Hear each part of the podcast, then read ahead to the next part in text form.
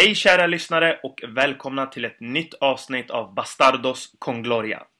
Med mig idag har jag Jesper Husfeldt. Läget med dig Jesper? Det är bra. Varför heter ni Bastardos con Gloria och inte Galacticos eh, på nätet?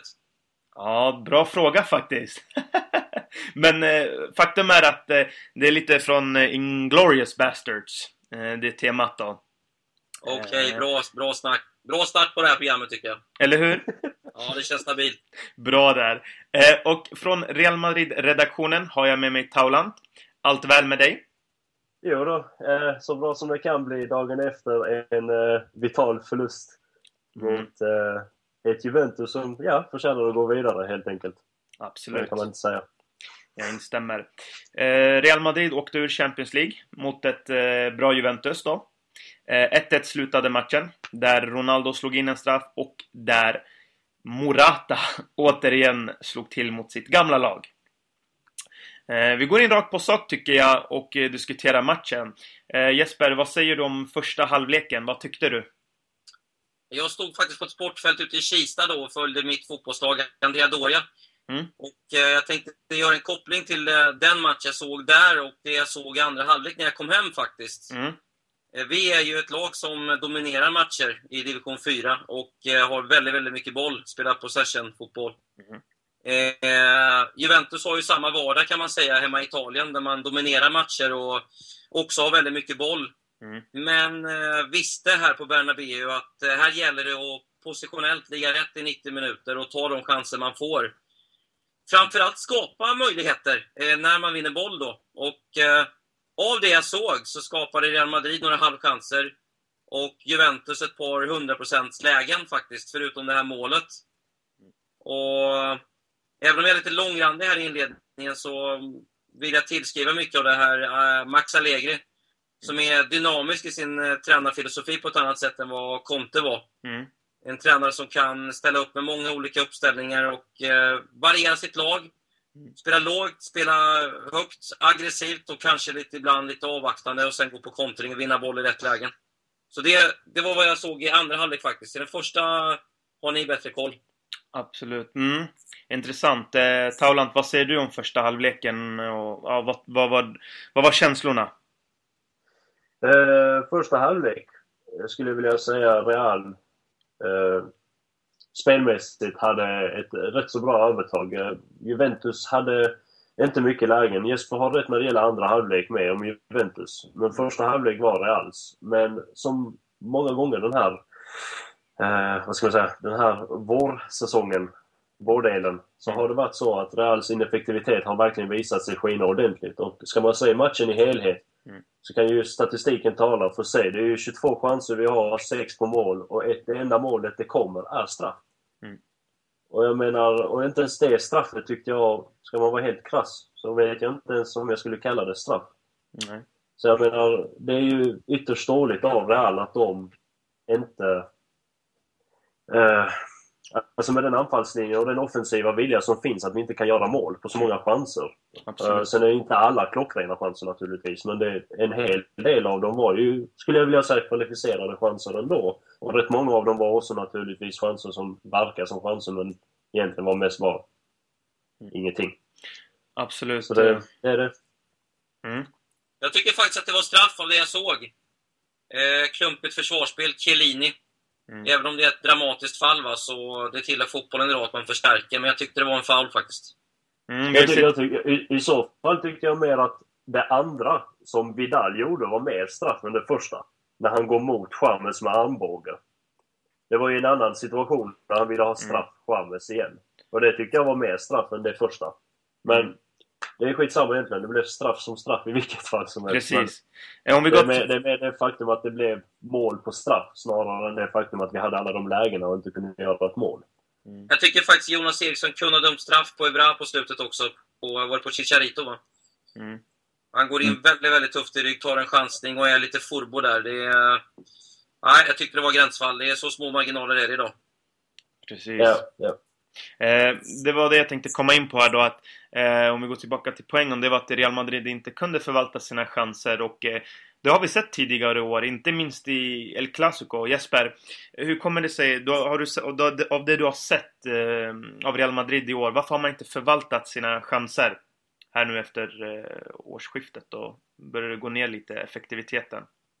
Jag, jag har inte analyserat det här innan ni ringde upp mig, men det finns ju många delar i det här som jag kommer på direkt. Mm.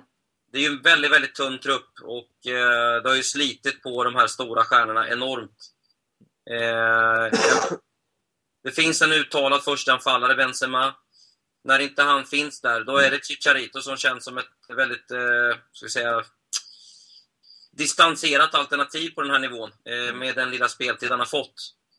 Eh, och sen att spela Bale-Ronaldo som eh, enkelt anfallspar i, i, stora matcher, som de blir tvingade att göra på slutet, tycker jag också känns lite desperat. Det är alltså... Det är så många bottnar i det, för att det är också ett mittfält där Modric har blivit skadad, där Kedira har varit borta, inte fått förtroende när han har varit tillbaka.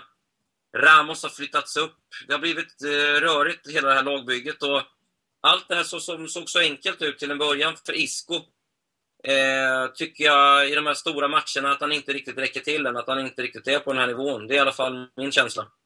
Mm, absolut. Eh, Taulant, varför vinner inte Real Madrid mot Juventus över två matcher? Vad gjorde man fel, tycker du? Det kan vi konstatera finns på flera nivåer. Dels, eh, dels så tror jag att självförtroendet är kört ner i botten för tillfället sett till hur både spelet... Alltså vi, vi må ha vunnit matcher men vi har inte vunnit dem övertygande. Det har ju inte varit via ett spel man känner att det här kan vi bygga vidare på. I alla fall inte efter... Eh, ja, det var ju en stund där när Modric kom tillbaka som det kändes som att vi kanske var på väg mot någonstans igen. Men sen skadade sig Modric igen och det kändes lite som att det hängde för mycket på vad Modric kan tillföra. Mm. Men jag, jag, jag, tyvärr så är det så att jag håller lite med Jesper också. Att det har ju varit lite för mycket experimenterande. Det har varit lite väl mycket... Uh, ja, ska man säga... Experiment som inte har fallit ut väl. Bland annat det här med att han nämnde Ronaldo och Bale, att de spelar som anfallsvar. Det, det, det är en kritik jag själv hade mm. i mitt huvud också eftersom det, det är två spelare som kräver ytor att spela på. Och när de inte får de ytorna och blir för isolerade så tillför de spelmässigt inte särskilt mycket. Mm. Eh, som ett exempel. Ramos, samma sak mot Atletico också till exempel. Han, han, spelade väldigt bra i den matchen.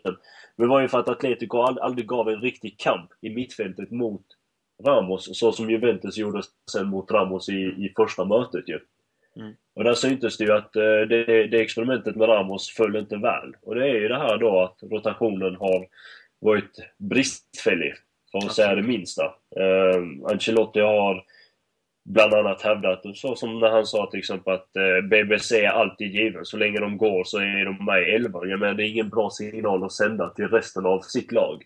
Som kanske kämpar för att få en startplats. Men det, det, ja. Jag förstår, idén med, jag förstår idén med att sätta upp David Luiz eh, i ett PSG som ska möta ett possession-lag, ett Barcelona och sådär va. När man ska ligga på rätt sida hela tiden så att man nästan får en trebackslinje ibland. Men att sätta upp Sergio Ramos i ett bollhållande lag mm. som ska dominera Juventus, där de möter världens kanske bästa mittfält. Mm. Eh, med Pogba, framtidens stora mittfältare, Pirlo dåtiden, så Vidal då, som är världens största löpmaskin. Mm. Eh, det känns lite naivt faktiskt. Eh, det kändes inte bara så nu i efterhand, utan även innan. Mm. Jesper, du som har sett Juventus nu här under hela säsongen. Vad tycker du man gjorde... Vad var det man gjorde riktigt bra mot Real Madrid då? Och vilka spelare stod ut då under de här två matcherna?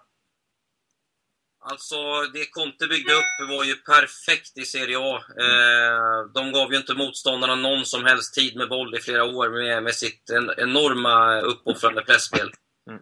Eh, det Allegri har tillfört det här laget är ju eh, en taktisk briljans. Det har han visat upp tidigare när de slog Barcelona hemma med Milan med ett betydligt sämre lag med 2-0 för ett par år, för några år sedan. Eh, utan Thiago Silva då, om jag minns rätt. Och eh, han sätter en, en matchmodell. Han har fått spelarna med, och gruppen med sig. Och eh, jag tyckte det var lite överraskande att Jove fick göra det 2-1 målet hemma faktiskt. Men eh, det är väl frukten lite grann av, av att han har fått spelarna att tro på det här så enormt hårt. Sen det här med Morata, jag tycker han är, det är, det är en okej eh, anfallare idag som, som har en stor framtid. Jag tycker han är ganska enkel. Tycker han borrar ner i huvudet för mycket, att han har för dålig split vision. Mm. Men att hans avslut har blivit bättre och bättre och att han på något vis tror på det nu också i de här stora matcherna. Mm. Även om jag vill tillskriva Paul Pogba den största delen av det här målet för att att eh, ligga positionerad så pass bra, vinna den här nickduellen men också att hitta en, en fri spelare i ett så pressat läge tyckte jag var otroligt snyggt faktiskt på, eh, på målet som Juventus gjorde här. Mm, absolut. Eh, definitivt. Pogba vann ju en nickduell också mot eh, Sergio Ramos. Det är väl inte så många som gör det heller. Eh, sen, sen, kan man tycka att Tony Kroos borde ha varit lite hårdare i markeringen när Morata fick eh, ta ner bollen. Eh, om, om vi går in lite specifikt på, på en spelare, Tauland. Eh, Bale har inte haft den bästa säsongen. Vad, vad tror du att det beror på? Självförtroendet har inte alls varit på topp. Mm, ja, uh, lite svårt att säga om just vad som har... Det har det har varit mycket rykten just om Bale och, och vad som har hänt där och det... Mm. Ja, det är som att välja lite nål i en höstack för tillfället känns det som. Jag har ingen aning riktigt vad jag ska säga där. Jag, jag tror väl att i så fall att det är en kombination av flera grejer. Uh, dels kan man ju ifrågasätta om Bale... Han har ju kvaliteten onekligen för att vara med i ett topplag. Frågan är bara om han är i rätt topplag sett till vilken... Med tanke på att han är med i ett lag där det finns en snarlik typ av spelare i form av Ronaldo. Och där han helt klart får en helt annan uppmärksamhet än vad Bale får. Eh, både, ja framförallt då spelmässigt i detta fall. Eh, sen självförtroendet är, ja, som du nämnde, jag tror att den är rätt, rätt körd i botten för tillfället för honom. Trots, trots vad jag kan tänka mig medialt att både tränare och andra håller på att försöka backa upp honom. Mm. Jag, skulle vilja säga kanske att största problemet är väl också lite att det finns inget förtroende från han. Om, kanske från tränare och så, men inte i överlag inte runt omkring. Jag tror det påverkar ändå också. Mm. Jag menar, eh, publiken buar ut han konstant. Trots det faktum att han avgjorde två finaler förra, förra året. Absolut. Och, eh, och jag menar, eh, publiken i Bernabéu är lite krasna på det viset. Det, de hyllar Isco för varje chans de får, även om han spelar uselt, men eh, blir sura på bil för att han inte gör ett pass. För att ta det som ett exempel. Jag, jag, tror det är, som sagt, jag tror det är en del faktorer. Han kanske inte känner sig lika hemma i, i Spanien som han trodde att han skulle göra kanske. Mm. Eh, språket har också tydligen varit ett problem har jag fått höra. Mm. Mm. Ja, förlåt. Ja. Ni som ser i all ändå. Eh, jag menar, Isco, det är ju lätt att, att, tycka om honom med, med den bollbehandling han har. Tar emot, släpper, går, rör sig ut i ytor. Mm. Det ser elegant och snyggt ut. Gareth Bale, alltså, får fotboll att se ganska svårt ut. Det är en värvning för en, uppemot en miljard och eh, mm. jag tycker, säg gärna emot mig, att det, det, är en extremt enkel typ som fotbollsspelare. Han är enorm i djupled och har ett fantastiskt skott. Han kan ha ett enormt fint inlägg också med sin utsida med vänsterfoten och sådär. Men eh, han blir begränsad i spelet, framförallt i ett bollförande spel. Har jag rätt eller fel? Helt klart. Nej, men... Eh, I min mm. åsikt. Mm. Ja, men visst kan det vara så att eh, eh när man är bollförande att han inte kommer till sin rätta. Eh, men samtidigt är det också något upp till tränaren att kunna utveckla och eh, gå framåt. För att Bale har ju otroligt många kvaliteter och det är något som man kan bygga vidare på, tror jag. vi får hoppas att han gör en bättre säsong nästa säsong då. jag tror inte han lämnar nu i sommar i alla fall. Det, det, tror jag absolut inte. Jag har, svår, jag, har, jag har svårt att säga det också. Det, det skulle det skulle indirekt ses som att eh, Florentino har misslyckats med sin varvning. Mm. Och Florentino är inte en person som gillar att erkänna att han har haft fel på sådana punkter. Helt enkelt. Nej, precis. Han, eh, han är väldigt envis när det gäller spelare han har själv köpt, eller varit med naturligtvis, och köpa. Mm. Och eh, ja, vi, vi kan ju bara dra paralleller med Kaká. Mm. Som stannade i fyra ganska poänglösa år på så vis. Men eh, ändå så hävdade han ända in i slutet att Kaká var faktiskt en bra affär. Mm. Men förmodligen talade han enbart om i, uh, i ekonomisk synvinkel naturligtvis. Men en annan mm. Absolut. Mm.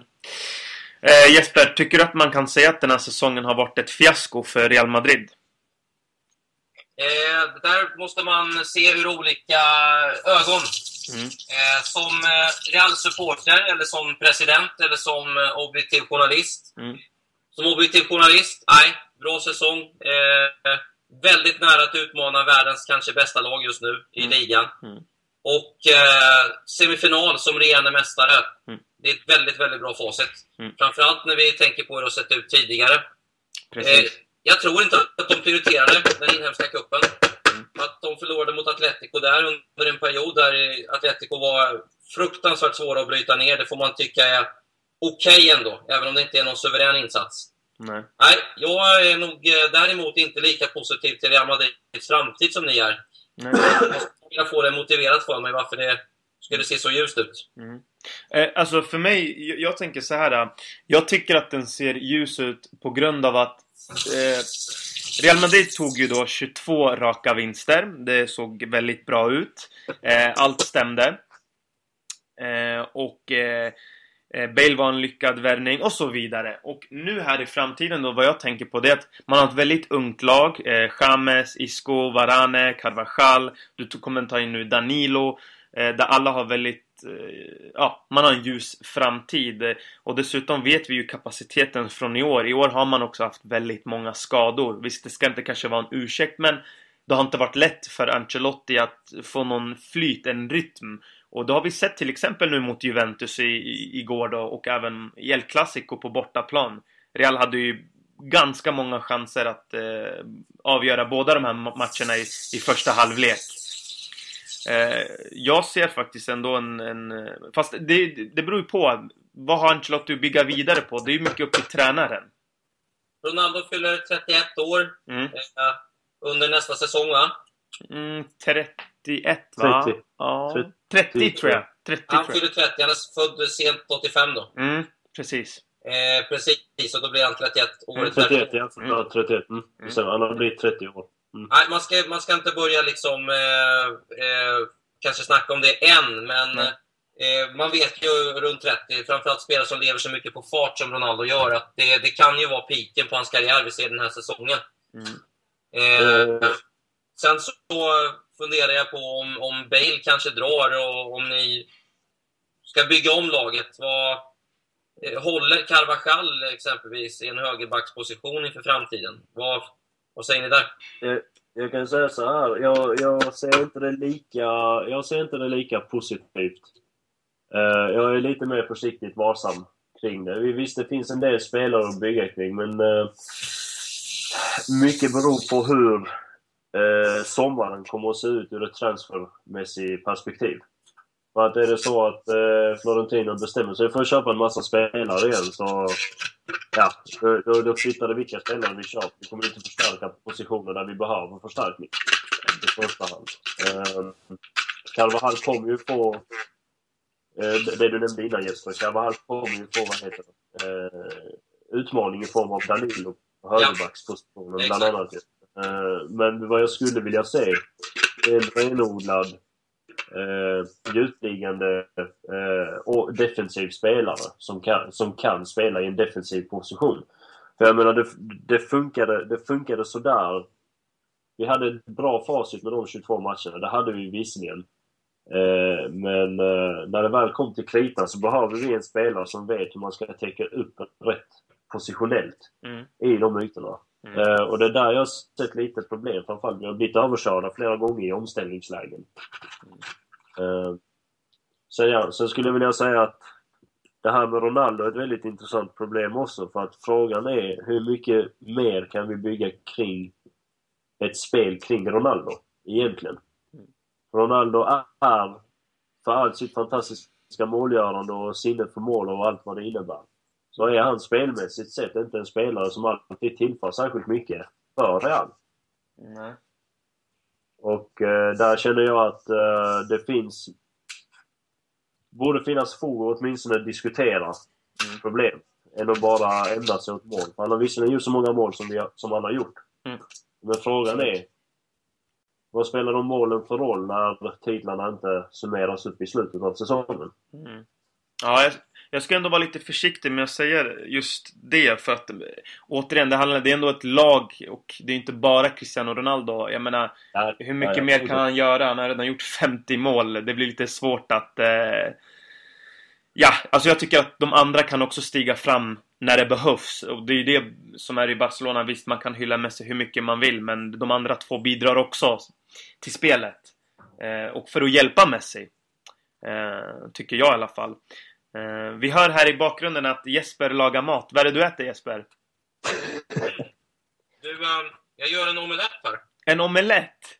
Mm. Jag hoppas att det smakar bra. Vi, vi får bjuda på en omelett någon gång här. Ja, det här kan bli helt fantastiskt känner jag.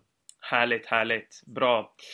Ja, men hur som helst så, ja, men jag tycker man ska vara försiktig med, med, med, med Ronaldo. Vi får se hur, hur det utvecklar sig, men det ja, som du säger. Absolut. Jag säger inte att man ska kicka honom med huvudet före utanför dörren. Absolut långt ifrån. Han har nu gjort jävligt mycket för oss. Jag bara menar att mm.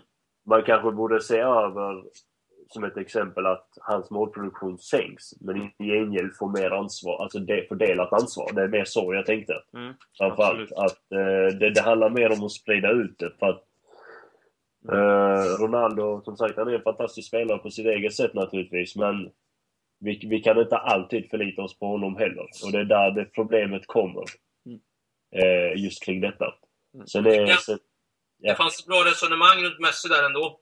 Mm. Därför, som han har utvecklats när han droppar ner i år mm. och låter Neymar och, och, och Luis Suarez gå i djupled. Mm. Mm. Den dimensionen ser jag inte i Ronaldo. Alltså, som lite playmaker också, alltså mer som en tia. Mm. Utan eh, då, där, där blir ju Ronaldo en av två istället. Han blir ju en Suarez eller en Neymar och får en Chamez bakom sig. Mm. Men han behöver nog en bättre lekkamrat där än Bale. Kanske ett komplement till Benzema. Absolut. Mm. Intressant tanke. Eh, Jesper, jag vet att du, kan ändå lite om Ancelotti. Eh, vad säger vi om Ancelotti? Tror du han stannar? Eh, eller lämnar han nu i sommar? Det är första jag vill berätta. Eh, mm. Jag träffar ju lite spelare ute och sådär. Mm. Och uh, jag har hört uh, skitsnack om i princip varandra tränare där ute. Mm. Från spelare på högsta nivå. Mm. Men uh, jag var hembjuden till Ola Toivonen, käkade lite middag där. Mm. Jag vet inte om man ska göra det som journalist, men så var det. Vi kunde umgås ändå, över gränserna. Ja. Och uh, då berättade Ola att eh, snacket i Frankrike runt eh, Ancelotti när han var där och sen han hade stuckit, det var ju att han, han var ju allas man. Mm. Han, var ju, han var ju närvarande på match, han var närvarande efter match. Och var det fest då var han där. Och han var gärna där sist på festen. Men inte för att liksom supa ner sig, utan han har koll på grabbarna. Får killarna må bra, se att det är rätt nivå på grejerna utan att ha ett kontrollbehov. Mm. Och Ola sa också att han är den enda tränaren han någonsin har hört också Eh, där han aldrig hört ett ont ord om honom. Mm. Han är... Jag tror han är som en extra pappa till alla, men eh, ändå en pappa som är lite på distans. Förstår du vad jag menar? Absolut. Mm. Som inte är där och hackar hela tiden. Man älskar honom, man vill liksom gå in i kriget för honom. Mm. Och eh, på ett annat sätt än det här dramatiska som Mourinho stod för när han var i, i Madrid. Precis. Det är det första. Jag vet inte alls var han hamnar. Jag är ju City-kille, så jag hoppas att han drar nu till Manchester City. Då är det ju framtiden säkrad. Så får ni jobba vidare med någon annan. Det hoppas jag, jag verkligen inte. Absolut inte. Jag tycker han är... Det är världens bästa tränare. Mm. Eh, därför han, eh, han har exakt som Allegri dynamiken mm. som eh, Pep saknar. Mm. Även om han kan spela hundra olika uppställningar så bygger ja. ungefär på samma spel, tycker jag. Mm. Och Mourinho, han är ju där uppe bland de här men eh, han har ju väldigt, väldigt svårt att äga matcher, tycker jag. Framförallt när det blir stora matcher. Mm. Och Ancelotti kan båda, tycker jag. Så ni har den bästa nu. Ja, eh, jag tror det var laget som, som inte riktigt, riktigt höll här i, i, i både inhemska och i Champions faktiskt. Mm. Jag har en fråga till er bara. Mm, absolut. Shoot. Det här som har hänt Casillas den här säsongen som jag tycker är för jävligt på Bernabéu. Mm. Varför och eh, tycker ni att det är okej okay, eller? jag ska säga så här, om jag får börja. Eh, jag tycker absolut att det inte är okej. Eh, det är en skam. Jag tycker att fansen där borta, jag, jag, jag, jag förstår inte den kulturen. Eh, Ronaldo blev utbuad, det sägs att Di Stefano blev utbuad. Det har, det har hänt i princip alla legender. Eh, men Eh, vi har nu Ike Casillas. Visst, han kanske inte har varit den bästa målvakten i världen. Eh, det är en sak att kritisera honom för hans målvaktsspel, men det är en sak att häckla och bua ut honom. Och det tycker jag i alla fall, personlig åsikt, att det... Ja, det jag, jag kan inte förstå det. Jag, jag, jag, jag håller med med dem där. Det, det, det är sorgligt nästan att se det. Jag vet inte, det är svårt att säga om. Det är väl, jag tror, en stor portion av det ligger i grund för vad som hände då mellan Mourinho och uh, Casillas om man går tillbaka lite historiskt här i ett par år tillbaka. Vad hände? Uh, Berätta. Ja, det var ju då när uh, de föll ut med varandra. Han valde ju först att spela med Adan och sen efter Adan så valde han att köpa in Diego Lopez. Och jag tror han för mig att han köpte honom mitt under eh, januari-transferfönstret där. Mm. Eh, droppade Casillas där. Och eh, sen dess så har ju Casillas självförtroende, den, den, den, ja, den gick ju ner till följd av att eh, Mourinho pratade väldigt mycket ut i media medan Casillas för det mesta bara höll tyst och sa ingenting. Och många tolkade tystnaden som att det vore hans fel. När det faktiskt inte gick kanske att säga om det var hans fel eller inte. Det snackades om det här med att eh, någon läckte ut historier till pressen och så vidare och det var då Ja, det var en av de absolut värsta perioderna på modern tid för Real om man ska uttrycka det rent så här. Eh, för hur pressen agerade och så. Får jag testa en tes med er? Mm. Jag tyckte Casillas var lite slarvig i sitt målvaktsspel som ung, alltså fram till, säg 2005, och att han blev ändå jävligt hyllad då. Mm. Mm. Och att han hade en eh, fem år i rad där han var ja, på Buffon-nivå och kanske bättre ibland. Mm. Innan mm. Neuer dök upp. Mm. Eh, men att han gått tillbaka lite i gamla synder, ungefär som när han var lite yngre. Och gör de här enkla misstagen ibland. Mm. Eh, då tyckte han var uppsnackad. Sen tyckte han hade 5, 6, 7 lysande säsonger. Och att han faktiskt eh, har backat lite grann igen. Är jag rätt ute där, eller? Absolut, det är du. Eh, ja. Du är helt rätt. Mm. Kör du, Talle. Ja, sorry. Nej, mm. nej, det är helt rätt. Det var ett par säsonger där. Jag, jag hade för mig till och med, jag, jag kan ha lite fel här, men jag minns någon statistik jag läste bland annat när vi vann, eh, jag tror vi vann ligan under Capello 2000, eh, vad var det, 2006? 7, nu minns jag. Jo, mm. ja.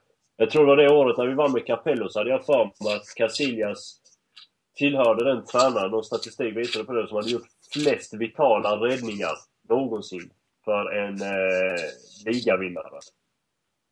Hade jag för mig. Eh, bland annat, alltså bara för att nämna ett sånt exempel. Han var vital även i EM 2008 och VM 2010. Och mm. Helt kort sagt så hade han en period där han verkligen skulle jag hävda var en av världens främsta målvakter. Ända fram till vi vann ligan 2011-12. Eh, Exakt. Ja, men då, och, då är det korridoren med Spanien där. Någonstans runt 05 fram till 11 någonstans där. Så kanske han var nummer ett till och med. Absolut. Mm. Idag vet jag inte riktigt om han förtjänar sin plats lika mycket. Men det, det betyder inte långt ifrån det att uh, beteendet gentemot Casillas från publikens sida är berättigat. Däremot. Ja, en liten annan grej. Nu vänder jag på podcasten här lite, så nu ställer jag frågorna. Ja, men gör det. Absolut. Ja, det var intressant. Härligt. Eh, jag och Kåmark var nere för några år sedan och gjorde en eh, cupmatch. Eh, Real Madrid mot Atletico, tror jag. Mm. Fick reda på lite grejer lite från eh, omklädningsrummet. Mm. Eh, Pontus har ju liksom kontakter från gamla spelare. Han känner ju ja, spelare som har blivit agenter, agenter som har spelare. Och ja, ni vet, det blir ganska enkelt att komma in i omklädningsrummet i de här klubbarna när man är på plats. Mm. Eh, om man har rätt kontakter. Mm. Det var någon grej som vi berättade sådär som eh, upprörde folk här hemma. Mm. Det som rörde, vad hette han, defensiva afrikanska mittfältaren där? Eh, mm. Som var med i Alcorcon-matchen, som var så dålig där. Afrikanska från Mali va? Diarra. Diarra. Mm. Det var någonting med Diarra tror jag. Mm. Eh, vi fick rätt mycket reaktioner från folk här hemma. Jag tror det var Real Madrid-tonåringar som liksom, vad fan snackar ni om? Ni vet ingenting om Real Madrid. Och...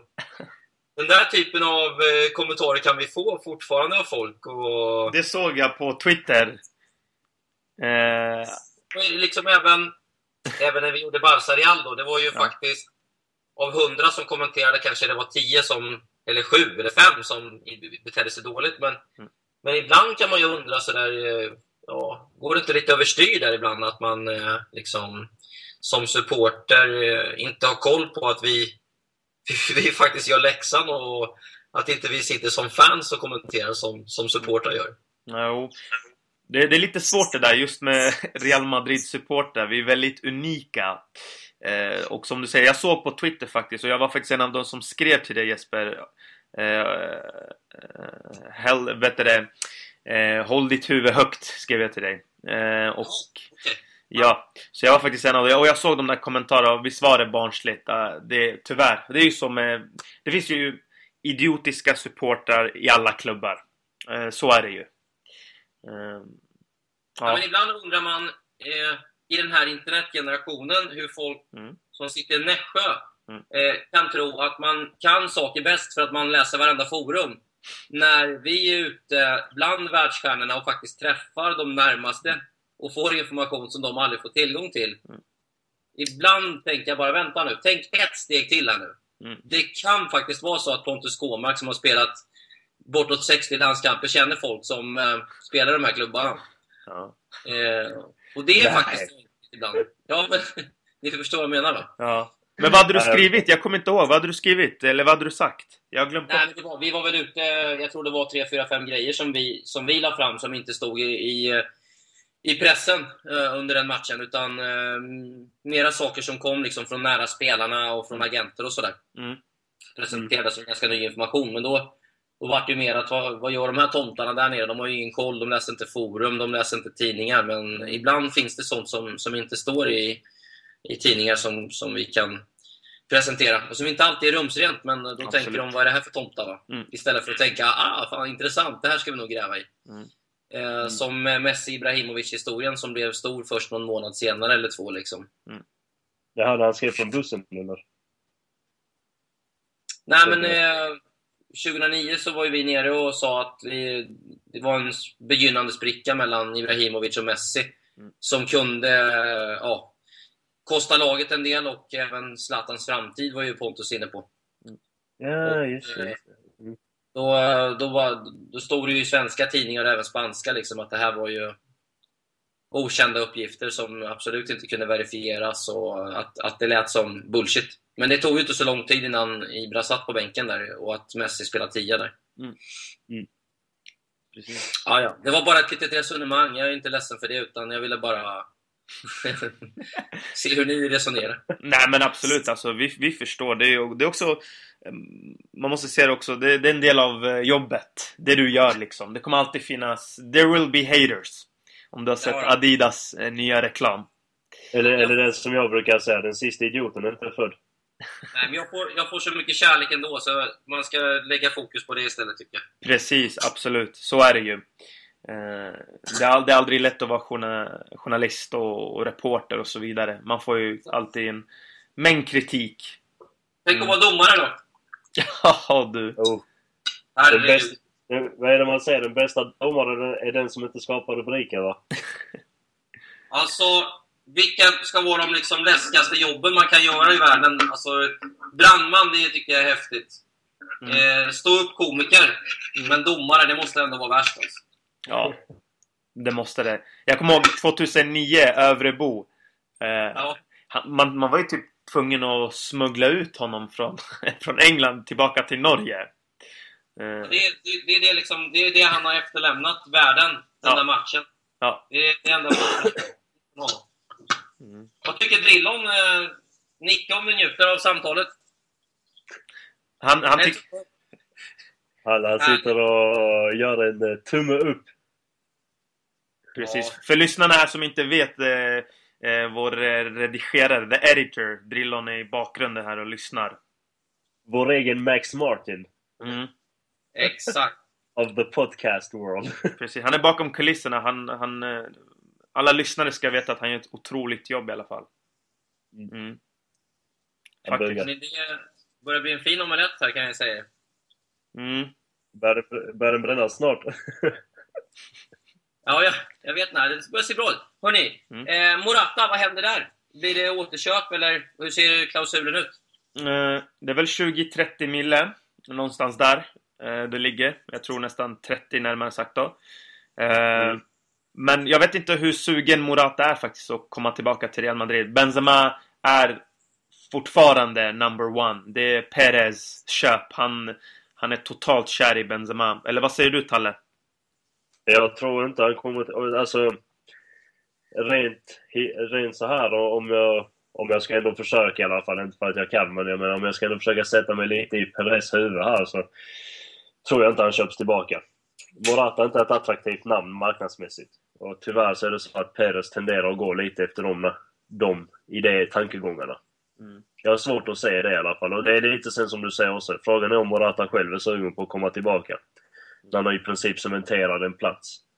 Mm. I Juventus startelva, mm. känns det som. Ja, eller cementerar jag. Spelar ja, väldigt bra. Han är fortfarande en, en varannandagsspelare, tycker jag. Alltså, de stora matchernas man så här långt. Där kliver han in och är ett perfekt komplement till TVs. Men sen, alltså man vet ju inte vad man får av honom Kevo borta. Det känns osäkert varje gång. Mm. Mm. Men kommer inte Lorente lämna nu, eller? Han är så iskall alltså. Det, jag ser inte de här tendenserna i hans spel. Alltså. Han hade ju, han var ju, det var ju så rolig rubrik de hade i eh, Toto Sport där. Mm. Är Solo Bello? Frågetecken. Är han bara vacker? När han kom. Mm.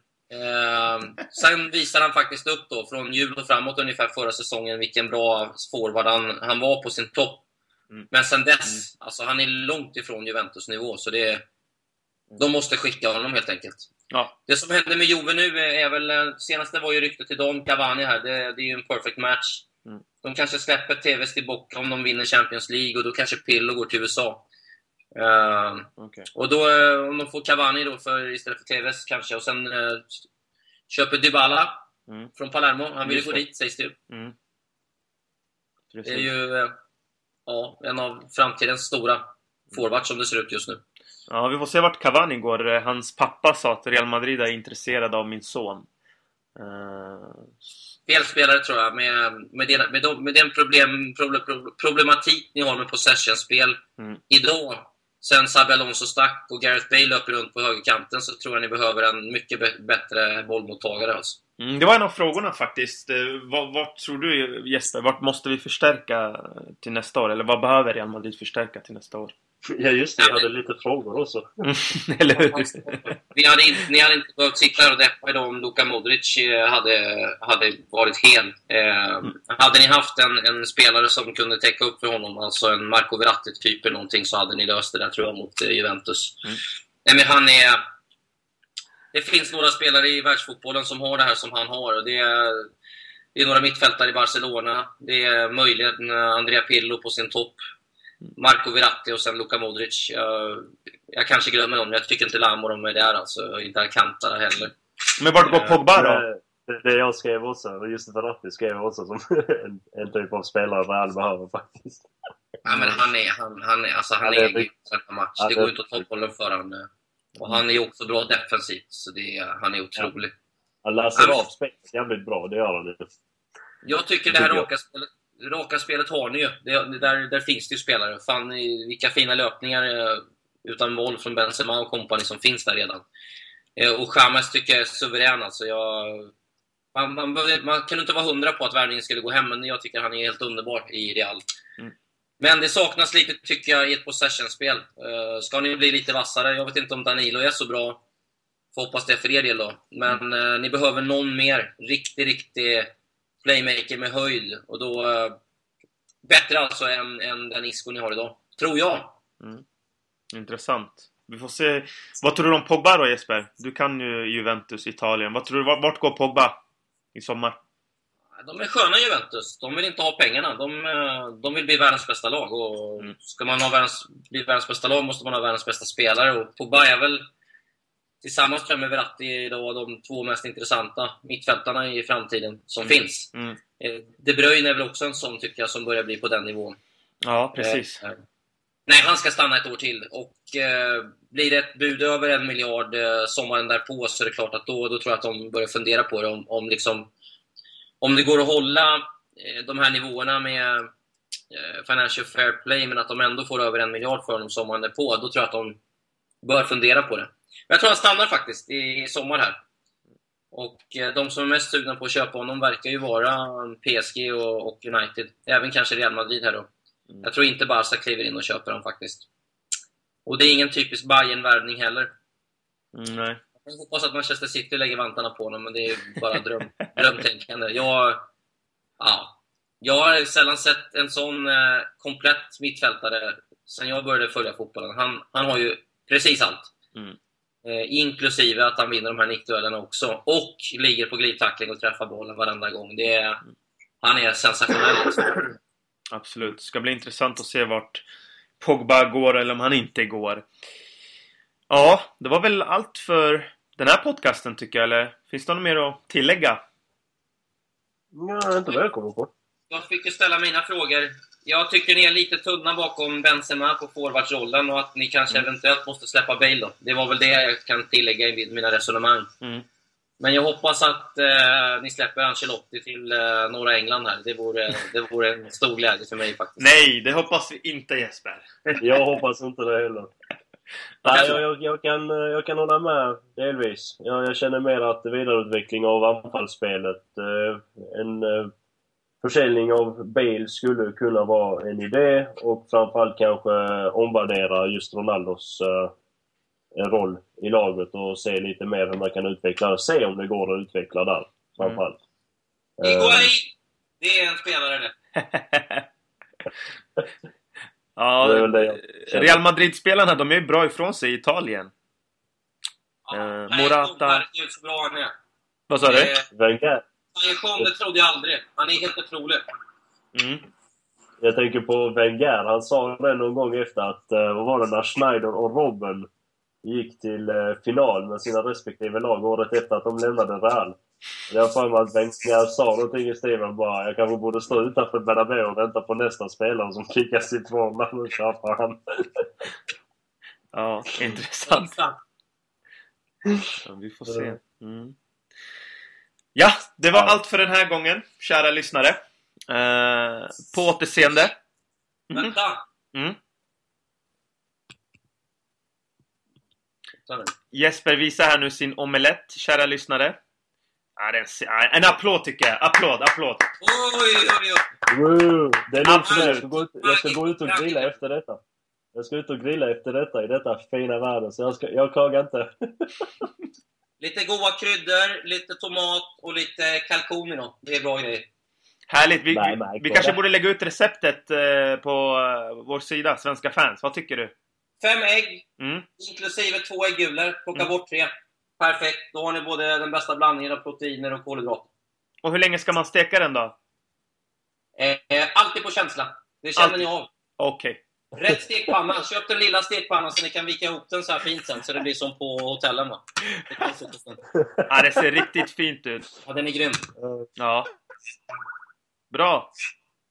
Tack för idag då, grabbar. Tack själv. Nu blir det käk. Det blir det absolut. Ha det bra kära lyssnare. Vi hörs till nästa gång. Hasta la vista. Hasta la vista.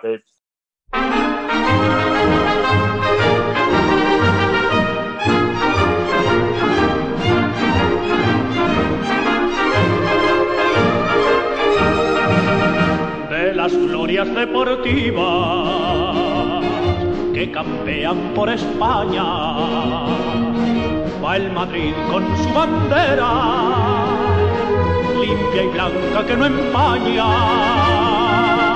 Club castizo y generoso, todo nervio y corazón Veteranos y noveles, veteranos y noveles miran siempre sus laureles con respeto y emoción.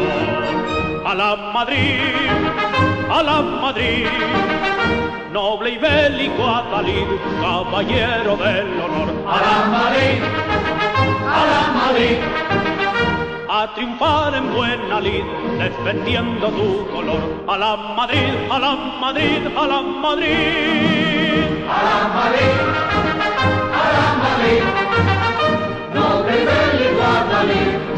caballero